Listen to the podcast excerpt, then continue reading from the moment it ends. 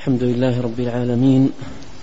صلى الله وسلم وبارك على عبده ورسوله نبينا محمد وعلى آله وصحبه أجمعين. أما بعد فيقول الإمام أبو بكر محمد بن الحسين الآجري رحمه الله تعالى باب تفريع معرفة الإيمان والإسلام وشرائع الدين. قال محمد بن الحسين رحمه الله تعالى الحمد لله الذي بنعمته تتم الصالحات والحمد لله على كل حال. أما بعد فاعلموا رحمنا الله وإياكم أن الله تعالى بعث محمدا صلى الله عليه وسلم إلى الناس كافة ليقروا بتوحيده فيقولوا لا إله إلا الله محمد رسول الله. فكان من قال هذا موقنا من قلبه وناطقا بلسانه أجزأه ومن مات على هذا فإلى الجنة. فلما آمنوا بذلك وأخلصوا توحيدهم فرض عليهم الصلاة بمكة فصدقوا بذلك وآمنوا وصلوا. ثم فرض عليهم الهجرة فهاجروا وفارقوا الأهل والوطن. ثم فرض عليهم بالمدينة الصيام فآمنوا وصدقوا وصاموا شهر رمضان.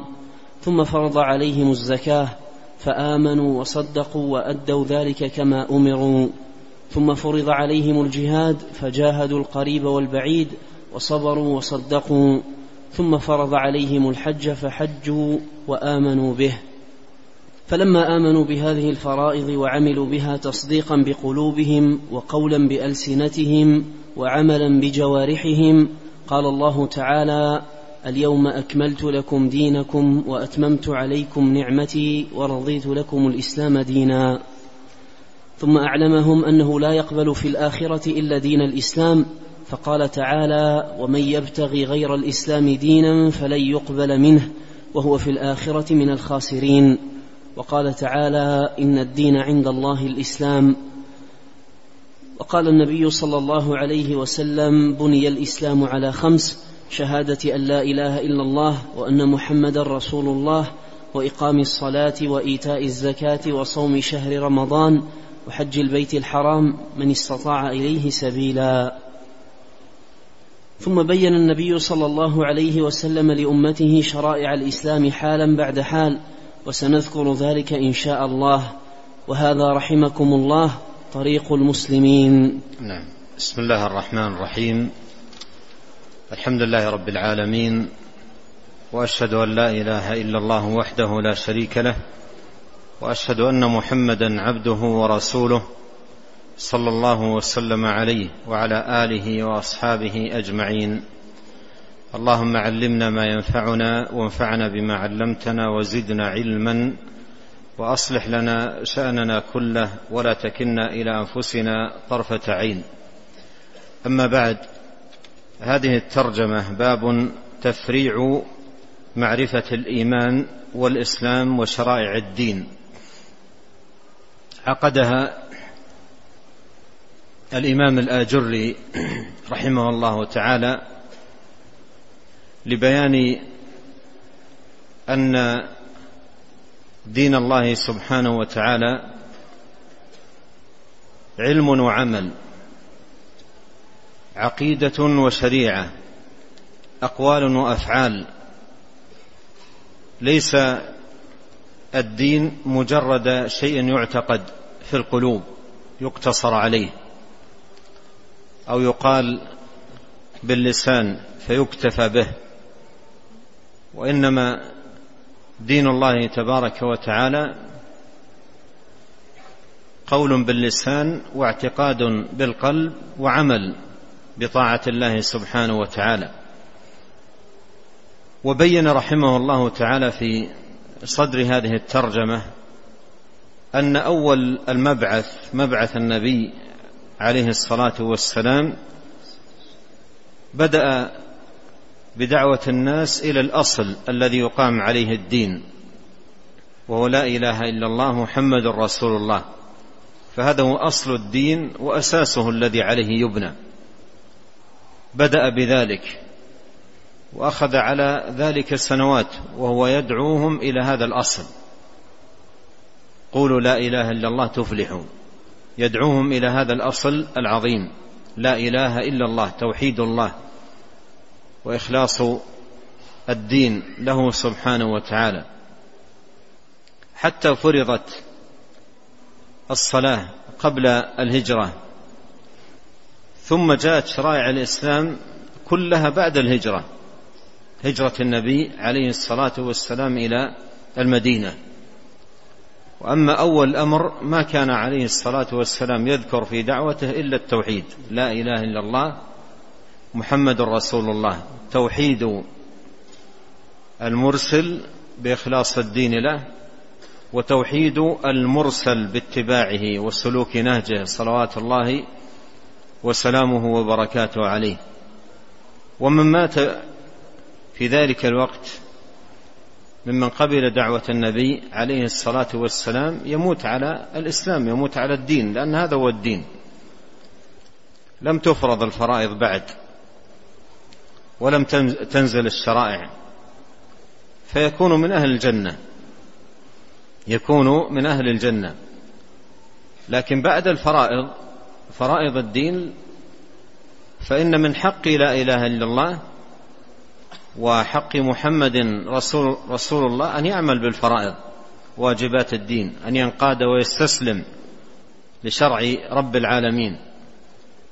أما أن يقول إن قول لا إله إلا الله يكفي وينزل على ذلك الأحاديث من قال لا إله إلا الله دخل الجنة وأنه لا حاجة إلى الشرائع والأعمال والعبادات فهذا قول باطل.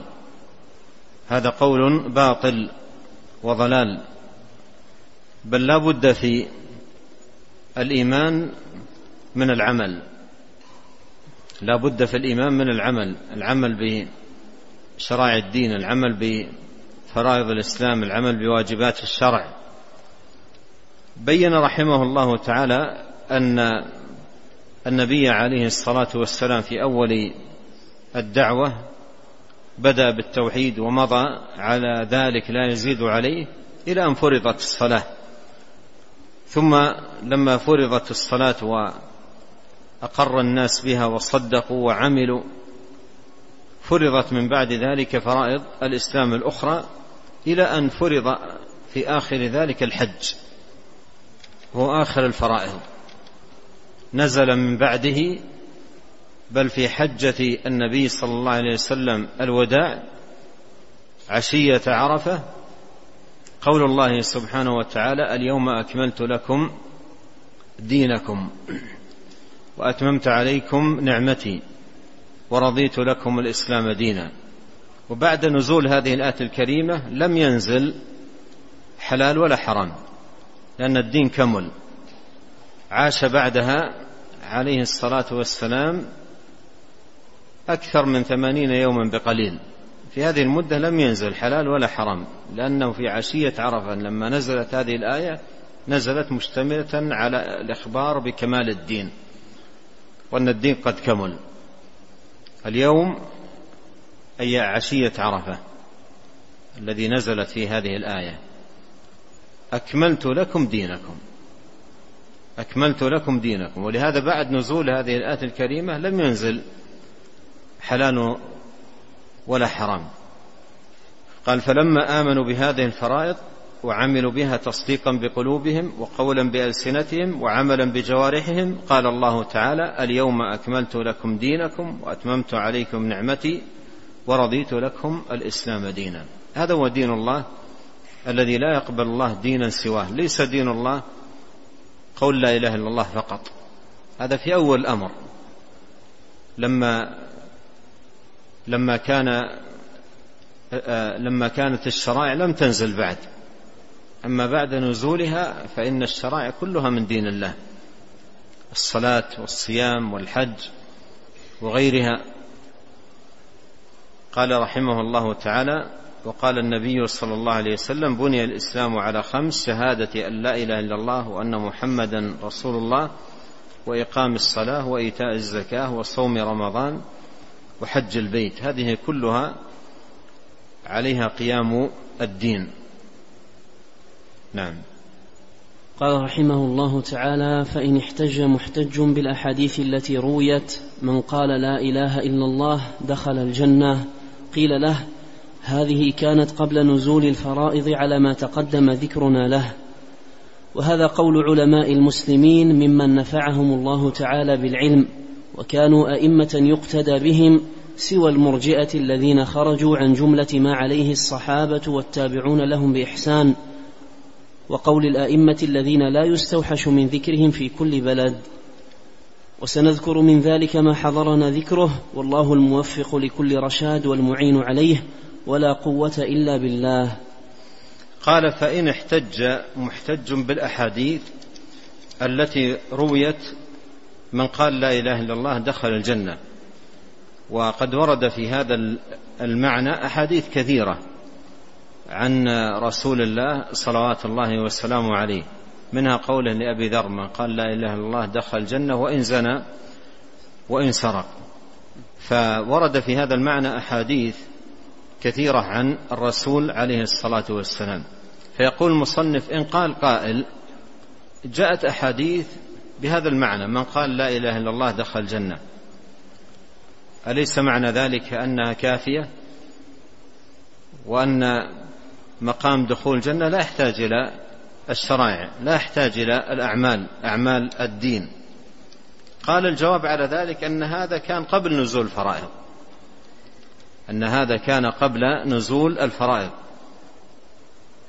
في أول في أول المبعث.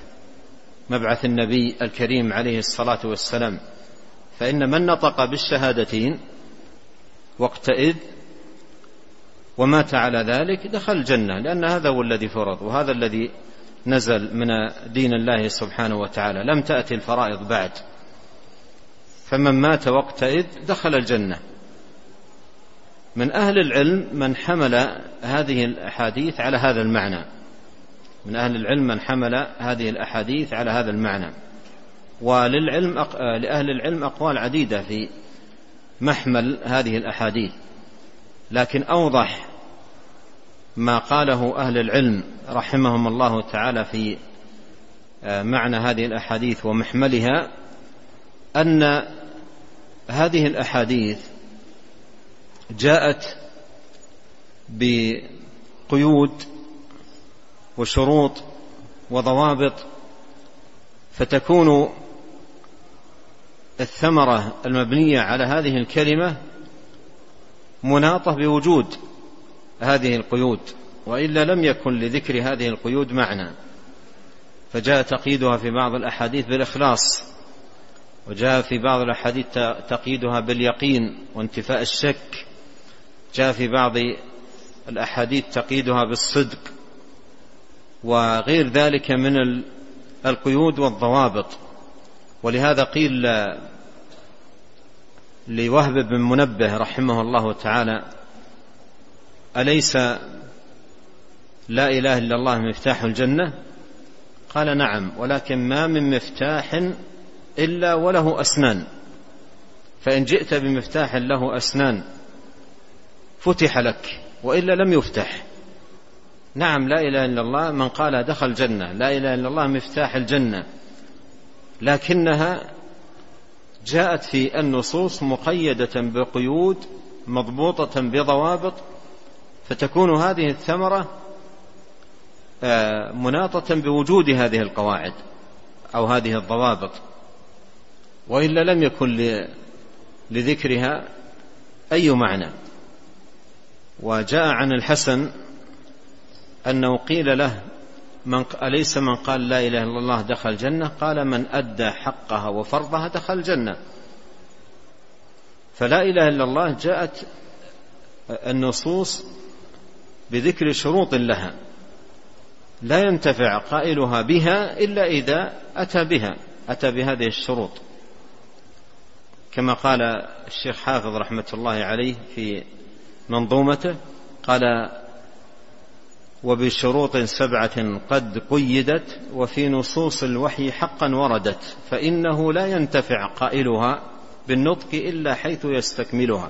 العلم واليقين والقبول والانقياد فادر ما أقول والصدق والإخلاص والمحبة وفقك الله لما أحب. وهذه الشروط التي ذكرها أهل العلم هي شروط أخذوها بالإستقراء والتتبع للنصوص الواردة في لا إله إلا الله. النصوص الواردة في لا إله إلا الله جاءت مقيدة لها بهذه القيود. ولهذا ما كان من الأحاديث مطلقا في ذكر الفضيلة يحمل على المقيد من الأحاديث. من قال لا إله إلا الله دخل الجنة قال الحسن نعم من أدى حقها وفرضها. من أدى حقها وفرضها. فالذي يأتي بحق هذه الكلمة يأتي بضوابطها يأتي بشروطها نعم يدخل الجنة. أما مجرد القول مع التضييع للضوابط والشروط فإنه لا ينتفع. لا ينتفع بهذه الكلمة ما لم يأتي بشروطها وضوابطها التي دل عليها كتاب الله وسنة نبيه صلوات الله وسلامه عليه. قيل قيل له هذه كانت قبل قيل له هذه كانت قبل نزول الفرائض على ما تقدم ذكرنا له وهذا قول علماء المسلمين ممن نفعهم الله تعالى بالعلم وكانوا أئمة يقتدى بهم سوى المرجئة الذين خرجوا عن جملة ما عليه الصحابة والتابعون لهم بإحسان وقول الأئمة الذين لا يستوحش من ذكرهم في كل بلد. وسنذكر من ذلك ما حضرنا ذكره والله الموفق لكل رشاد والمعين عليه ولا قوة إلا بالله. حدثنا أبو بكر عمر بن سعيد القراطيسي قال حدثنا أبو بكر أحمد بن منصور الرمادي قال حدثنا أبو صالح عبد الله بن صالح قال حدثني معاوية بن صالح عن علي بن أبي طلحة عن ابن عباس رضي الله عنهما في قول علي بن أبي طلحة لم يرى ابن عباس. ولم يسمع التفسير منه فحديثه عنه مرسل. نعم. صلى الله عليه عن ابن عباس رضي الله عنهما في قول الله تعالى هو الذي أنزل السكينة في قلوب المؤمنين ليزدادوا إيمانا مع إيمانهم قال إن الله تعالى بعث نبيه محمدا صلى الله عليه وسلم بشهادة أن لا إله إلا الله فلما صدق بها المؤمنون زادهم الله الصلاة فلما صدقوا بها زادهم الله الصيام فلما صدقوا به زادهم الزكاة فلما صدقوا بها زادهم الحج فلما صدقوا به زادهم الجهاد ثم أكمل لهم دينهم. فقال تعالى اليوم أكملت لكم دينكم وأتممت عليكم نعمتي ورضيت لكم الإسلام دينا. قال ابن عباس رضي الله عنهما وكان المشركون والمسلمون يحجون جميعا. فلما نزلت براءة نفي فلما نزلت براءة نفي المشركون عن البيت الحرام وحج المسلمون لا يشاركهم في البيت الحرام أحد من المشركين. وكان ذلك من تمام النعمة. أنزل الله تعالى اليوم اليوم يئس الذين كفروا من دينكم فلا تخشوهم واخشون. اليوم أكملت لكم دينكم وأتممت عليكم نعمتي ورضيت لكم الإسلام دينا. هذا الأثر عن ابن عباس رضي الله عنهما أثر عظيم المعنى من حيث آه، الذكر لنزول الشرائع تدريجا شيئا فشيئا بدءا بالأصل الذي يبنى عليه دين الله تبارك وتعالى هو التوحيد. فأول ما بدأ النبي عليه الصلاة والسلام به من الدعوة آه، شهادة لا إله إلا الله فلما صدق بها المؤمنون زادهم الصلاة ثم الصيام ثم الزكاة ثم الحج ثم آه، نزل بعد ذلك قوله اليوم أكملت لكم دينكم وأتممت عليكم نعمتي ورضيت لكم الإسلام دينا. فلو كان الإقرار وحده لو كان الإقرار وحده كافيا في الإيمان بعد نزول الشرائع من صلاة وصيام وحج وغير ذلك لما كان للإكمال معنى. اليوم أكملت لكم دينكم. لو كان الدين كامل بالإقرار كما كما هو قول المرجئة لما كان للإكمال معنى. وهذا وجه الرد عليهم بهذه الآية ووجه إرادة المصنف رحمه الله تعالى لهذه الآية. لو كان الإقرار يكون به الإيمان تاما بالإقرار وحده من قال لا إله إلا الله يكون بذلك إيمانه تام بالإقرار لما كان للإكمال بنزول الشرائع أي معنى؟ لما نزل الصيام والحج وإلى آخره قال اليوم أكملت لكم دينكم. بينما عند هؤلاء الدين كامل من الأصل بدون هذه الشرائع بالإقرار فقط. وهذا قول واضح البطلان. قال ابن عباس وكان المشركون والمسلمون يحجون جميعا. يحجون جميعا. هؤلاء يهلون يعني أهل الشرك بالتنديد وأهل الإسلام يهلون بالتوحيد والإخلاص لله عز وجل. فلما نزلت براءة نفي المشركون عن البيت الحرام أي أقصوا وأبعدوا عن البيت الحرام. لا يحج بعد هذا العام مشرك. وحج المسلمون أي في الحجة التي حج حجها النبي حجة الوداع لا يشاركهم في البيت الحرام أحد من المشركين. لا يشاركهم أحد من المشركين. لأنه أعلن في العام الذي قبله أن لا يحج البيت مشرك ولا يطب البيت عريان. وإلا من قبل ذلك ترى هذه المناظر الشنيعة. ترى هذه المناظر الشنيعة حول بيت الله. سبحان الله عراة كانوا يطوفون ببيت الله. عراة كما خلقتهم أمهاتهم بلا ثياب. يطوفون ببيت الله. والعبادة التي كانوا يعبدونها ما هي؟ ما كان دعاهم عند البيت إلا مكاء وتصدية. تصفير وتصفيق وعراة حول بيت الله الحرام. وشرك بالله والتجاء إلى الأصنام. فأذهب الله عز وجل هذه الجاهلية الجهلاء والضلالة العمياء وانتهت هذه المظاهر كلها تماما. فالسنة العاشرة من الهجرة سنة خلت من كل ذلك. حج المسلمون لا يشاركهم في البيت الحرام أحد من المشركين. لا يشاركهم أحد من المشركين. وكان ذلك من تمام النعمة. له الحمد سبحانه وتعالى. كان ذلك من تمام النعمة. أنزل الله اليوم يئس الذين كفروا من دينكم. رأوا ظهور الإسلام وعزة وعلوة. فلا تخشوهم واخشون اليوم أكملت لكم دينكم وأتممت عليكم نعمتي ورضيت لكم الإسلام دينا. نعم. قال رحمه الله تعالى وحدثنا أبو عبد الله محمد بن مخلد العطار قال حدثنا أبو يعقوب إسحاق بن إبراهيم الصفار قال حدثني محمد بن عبد الملك المصيصي أبو عبد الله قال كنا عند سفيان بن عيينة في سنة سبعين ومائة فسأله رجل عن الإيمان فقال قول وعمل. قال يزيد وينقص. قال يزيد ما شاء الله وينقص حتى لا يبقى شيء منه مثل هذه. وأشار مثل, مثل هذه. وأشار سفيان بيده. يعني جاء في بعض المصادر مصادر تخريج هذا الأثر. عقد ثلاثة أصابع. عقد ثلاثة أصابع وحلق الإبهام والسبابة. فيقول رحمه الله لما سئل يزيد الإيمان وينقص قال يزيد ما شاء الله وينقص حتى لا يبقى شيء وأشار هكذا حتى لا يبقى شيء. وهذه الإشارة معروفة يعني تستعمل عندما يريد أن يذكر الإنسان شيئا قليلا يقول بقي هكذا يكتفي بهذه الإشارة يقول بقي هكذا يعني شيء قليل جدا. فالإسلام الإيمان يزيد ما شاء الله أن يزيد وينقص حتى لا يبقى منه شيء. نعم. قال رحمه الله تعالى وأشار سفيان بيده قال الرجل كيف نصنع بقوم عندنا يزعمون أن الإيمان قول بلا عمل؟ قال سفيان كان القول قولهم قبل أن تنزل أحكام الإيمان وحدوده.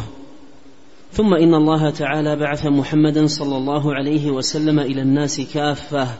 أن يقولوا لا إله إلا الله وأنه رسول الله فإذا قالوها عصموا بها دماءهم وأموالهم إلا بحقها وحسابهم على الله تعالى. فلما علم الله صدق ذلك من قلوبهم أمره أن يأمرهم بالصلاة فأمرهم ففعلوا. فوالله لو لم يفعلوا ما نفعهم الإقرار الأول. فلما علم الله صدق ذلك من قلوبهم أمره أن يأمرهم بالهجرة إلى المدينة. فأمرهم ففعلوا فوالله لو لم يفعلوا ما نفعهم الإقرار ما نفعهم الإقرار الأول ولا صلاتهم.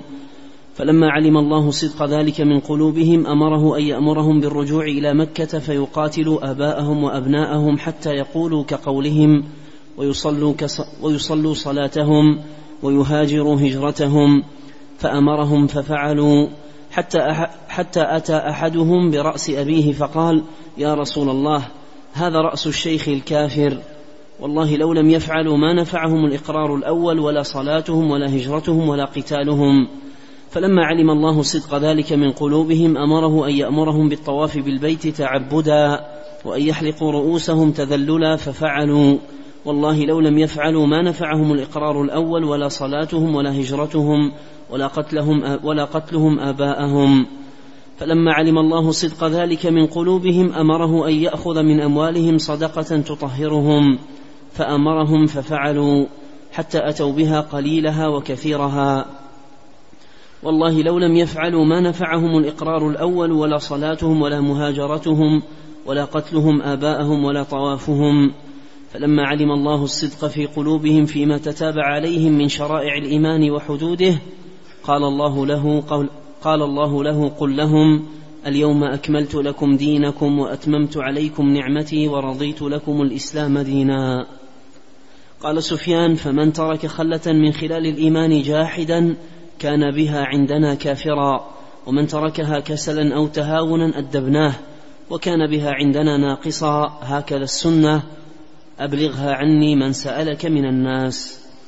أورد رحمه الله تعالى هذا الأثر وهو بمعنى ويقارب الأثر الذي قبله أثر ابن عباس رضي الله عنهما أن سفيان بن عيينة رحمه الله تعالى وهو من الأئمة الأجلة الفقهاء النبلاء حتى قال الإمام أحمد رحمه الله تعالى ما رأيت أحدا أعلم بالسنن من سفيان فكان على درجة عالية في الفقه بسنن النبي عليه الصلاة والسلام والمروي عنه صلوات الله وسلامه عليه.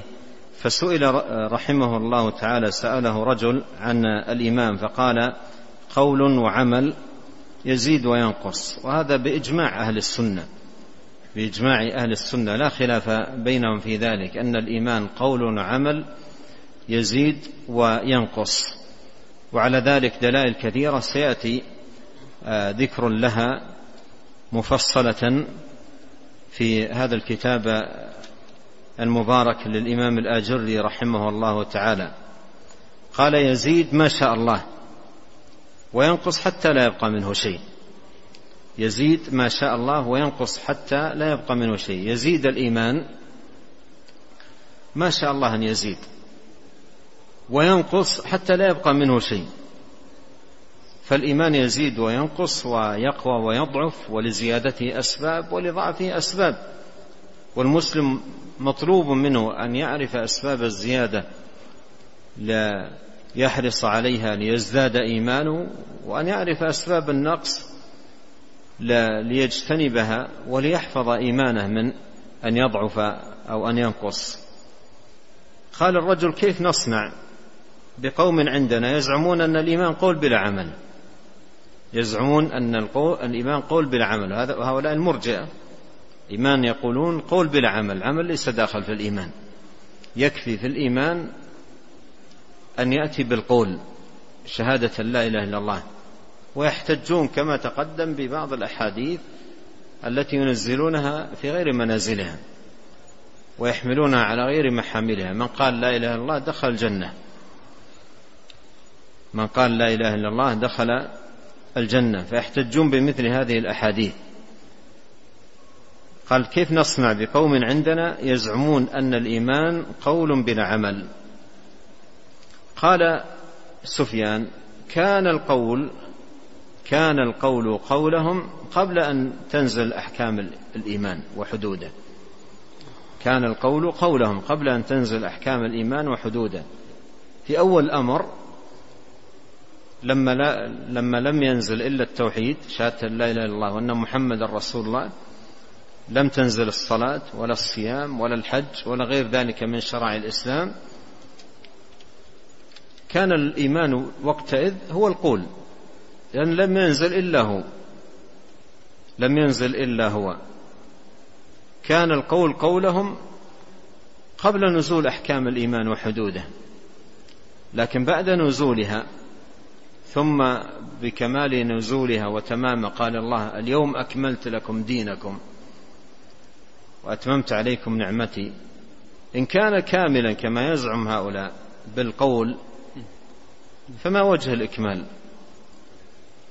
بعد نزول فرائض اليوم أكملت لكم دينكم فرد سفيان على هؤلاء بالآية الكريمة اليوم أكملت لكم دينكم كان القول قول قولهم أي في أول الأمر لما لم تنزل لكن نزلت الفرائض الصلاة ثم الصيام ثم الزكاة ثم الحج إلى أن نزل قول الله تبارك وتعالى اليوم أكملت لكم دينكم وأتممت عليكم نعمتي ورضيت لكم الإسلام دينا. فعلم أن هذه الفرائض وهذه الشرائع كلها من الدين وكلها من الإيمان الذي أكمله الله سبحانه وتعالى وأتمه للعباد. قال السفيان فمن ترك خله أي خصلة من خصال الدين من ترك خلة من خلال الإيمان جاحدا كان بها عندنا كافرا. إن ترك شيئا من خصال الدين عن جحد فإنه يكون بذلك كافرا. والمراد بالكفر الأكبر الناقل من الملة. قال ومن تركها كسلا أو تهاونا وفي بعض المصادر أو مجونا أدبناه وكان عندنا ناقصا أي ناقص الإيمان وكان عندنا ناقص الإيمان. لكن من الفرائض ما جاء في النصوص التنصيص على أن تركه كفر. وأن الكفر ليس فقط في جحده بل حتى في تركه. كما قال عليه الصلاة والسلام العهد الذي بيننا وبينهم الصلاة فمن تركها فقد كفر. نعم. قال رحمه الله تعالى باب معرفة أي يوم نزلت هذه الآية. قوله تعالى اليوم أكملت لكم دينكم. الآية حدثنا أبو محمد يحيى بن محمد بن صاعد قال حدثنا عبد الجبار عبد الجبار بن العلاء العطار قال حدثنا سفيان بن عيينة عن مسعر وغيره عن قيس بن مسلم عن طارق بن شهاب أن رجلا من اليهود قال لعمر رضي الله عنه لو علينا أنزلت هذه الآية اليوم أكملت لكم دينكم لاتخذناها عيدا فقال عمر رضي الله عنه أنا أعلم أي يوم أنزلت أنزلت يوم عرفة في يوم جمعة قال أخبرنا أبو محمد عبد الله بن صالح البخاري قال حدثنا عثمان بن أبي شيبة وأحمد بن عبد الجبار قال حدثنا عبد الله بن إدريس عن أبيه عن قيس عن طارق بن شهاب قال قال يهودي لعمر, لعمر رضي الله عنه لو أنا نعلم أي يوم نزلت هذه الآية لاتخذناه عيدا. اليوم أكملت لكم دينكم وأتممت عليكم نعمتي ورضيت لكم الإسلام دينا. فقال عمر رضي الله عنه وقد علمت اليوم الذي أنزلت فيه أنزلت ونحن وقوف بعرفات مع رسول الله صلى الله عليه وسلم. قال أخبرنا إبراهيم بن موسى الجوزي قال حدثنا يوسف بن موسى القطان قال حدثنا وكيع قال حدثنا حماد بن سلمة عن عمار عن عمار مولى بني هاشم قال قرأ ابن قرأ ابن العباس اليوم أكملت لكم دينكم وأتممت عليكم نعمتي ورضيت لكم الإسلام دينا. وعنده رجل من أهل الكتاب فقال لو علمنا في أي يوم أنزلت هذه الآية في لو علمنا في أي يوم أنزلت هذه الآية جعلناه عيدا. فقال لقد أنزلت يوم عرفة يوم الجمعة. قال محمد بن الحسين رحمه الله تعالى هذا بيان لمن عقل يعلم أنه لا يصح الدين إلا بالتصديق بالقلب والإقرار باللسان والعمل بالجوارح. مثل الصلاة والزكاة والصيام والحج والجهاد وما أشبه ذلك. هذه الترجمة باب معرفة أي يوم نزلت هذه الآية. قول, قول الله تعالى اليوم أكملت لكم دينكم. عقد هذه الترجمة بمناسبة الاحتجاج بها في أثر بن عباس وأثر سفيان وأن إشراع الإسلام نزلت تدريجا شيئا فشيئا إلى أن كمل كملت الشرائع. فلما كملت الشرائع نزل نزلت هذه الآية إخبارا بكمالها. نزلت على النبي عليه الصلاة والسلام في يوم عرفة في عشية عرفة في سيد الأيام وخيرها يوم عرفة. ولم ينزل بعدها شرائع إلى أن توفي عليه الصلاة والسلام. لم ينزل شيء من الشرائع. عاش بعدها واحد وثمانين يوما لم ينزل فيها شرائع. لأن الدين كمل وتم كما أخبر الله. اليوم يعني يوم عرفة أكملت لكم دينكم وأتممت عليكم نعمتي ورضيت لكم الإسلام دينا. في مناسبة ذلك عقد هذه الترجمة لبيان أي يوم نزلت هذه الآية. أي يوم نزلت هذه الآية. وفهم أو معرفة اليوم الذي نزلت فيه هذه الآية مما يعين على فهم ما سبق. فأورد هذا الحديث عن طارق بن شهاب أن رجلا من اليهود قال لعمر بن الخطاب رضي الله عنهما لو علينا أنزلت يعني معاشر اليهود هذه الآية اليوم أكملت لكم دينكم وأتممت عليكم نعمتي ورضيت لكم الإسلام دينا لاتخذناها عيدا. لاتخذناها عيدا. لأن لأنه أدركوا أنها آية عظيمة. فيها كمال المنة وتمام المنة النعمة والفضل من الله سبحانه وتعالى بالإعلام بأن الدين قد كمل أكمله الله للعباد. قال لاتخذناها عيدا. فقال عمر أنا أعلم أي يوم أنزلت. أنزلت يوم عرفة في يوم جمعة. في يوم أنزلت يوم عرفة في يوم جمعة. في الرواية الأخرى قال لقد علمت اليوم الذي أنزلت فيه أنزلت ونحن وقوف بعرفات مع رسول الله صلى الله عليه وسلم. قوله يوم جمعة يوم الجمعة سيد أيام الأسبوع وأفضلها. ويوم عرفة سيد أيام السنة فاجتمع شرفان في اليوم الذي نزلت فيه هذه الآية الكريمة. نزلت في خير أيام الأسبوع يوم جمعة ونزلت في خير أيام العام يوم عرفة. اجتمعت هاتان الفضيلتان. فنزلت في يوم جمعة ويوم عرفة عشية عرفة وقت النزول آه، الإلهي والدنو الإلهي يدنو سبحانه وتعالى عشية ذلك اليوم ويباهي بعباده سبحانه وتعالى. ففي تلك العشية نزلت هذه الآية على نبينا الكريم عليه الصلاة والسلام وواقف بعرفة. وفيها إخبار الله سبحانه وتعالى بأنه أكمل لعباده الدين. أكمل لهم الدين.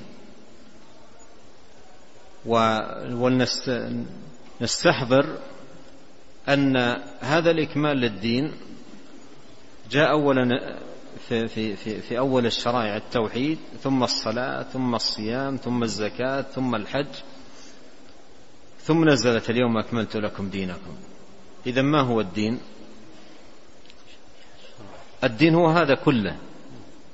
الدين هو هذا كله. مثل ما جاء في حديث جبريل قال هذا جبريل أتاكم يعلمكم دينكم. فالدين يتناول هذا كله. لا على ما يزعمه المرجئة أن الإيمان والدين هو القول فقط. ولهذا قال رحمه الله تعالى في تمام هذا الباب قال هذا بيان لمن عقل يعلم أنه لا يصح الدين إلا بالتصديق والإقرار باللسان والعمل بالجوارح مثل الصلاة والزكاة والصيام والحج والجهاد وما أشبه ذلك. وهذا وجه الاحتجاج بهذه الآية الكريمة في الرد على المرجئة. نسأل الله الكريم أن ينفعنا أجمعين بما علمنا وأن يزيدنا علما وأن يصلح لنا شأننا كله وألا يكلنا إلى أنفسنا طرفة عين وأن يغفر لنا ولوالدينا ولمشايخنا ولولاة أمرنا وللمسلمين والمسلمات والمؤمنين والمؤمنات الأحياء منهم والأموات. اللهم آت نفوسنا تقواها وزكها. أنت خير من زكاها. أنت وليها ومولاها. اللهم إنا نسألك الهدى والتقى والعفة والغنى.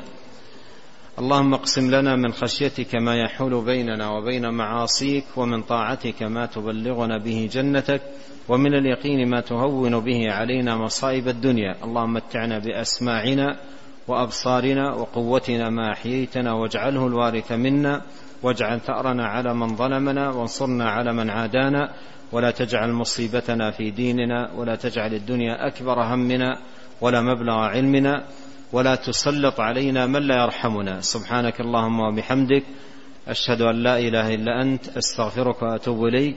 اللهم صل على محمد وعلى آل محمد كما صليت على إبراهيم وعلى آل إبراهيم إنك حميد مجيد. اللهم بارك على محمد وعلى آل محمد كما باركت على إبراهيم وعلى آل إبراهيم إنك حميد مجيد. جزاكم الله خيرا.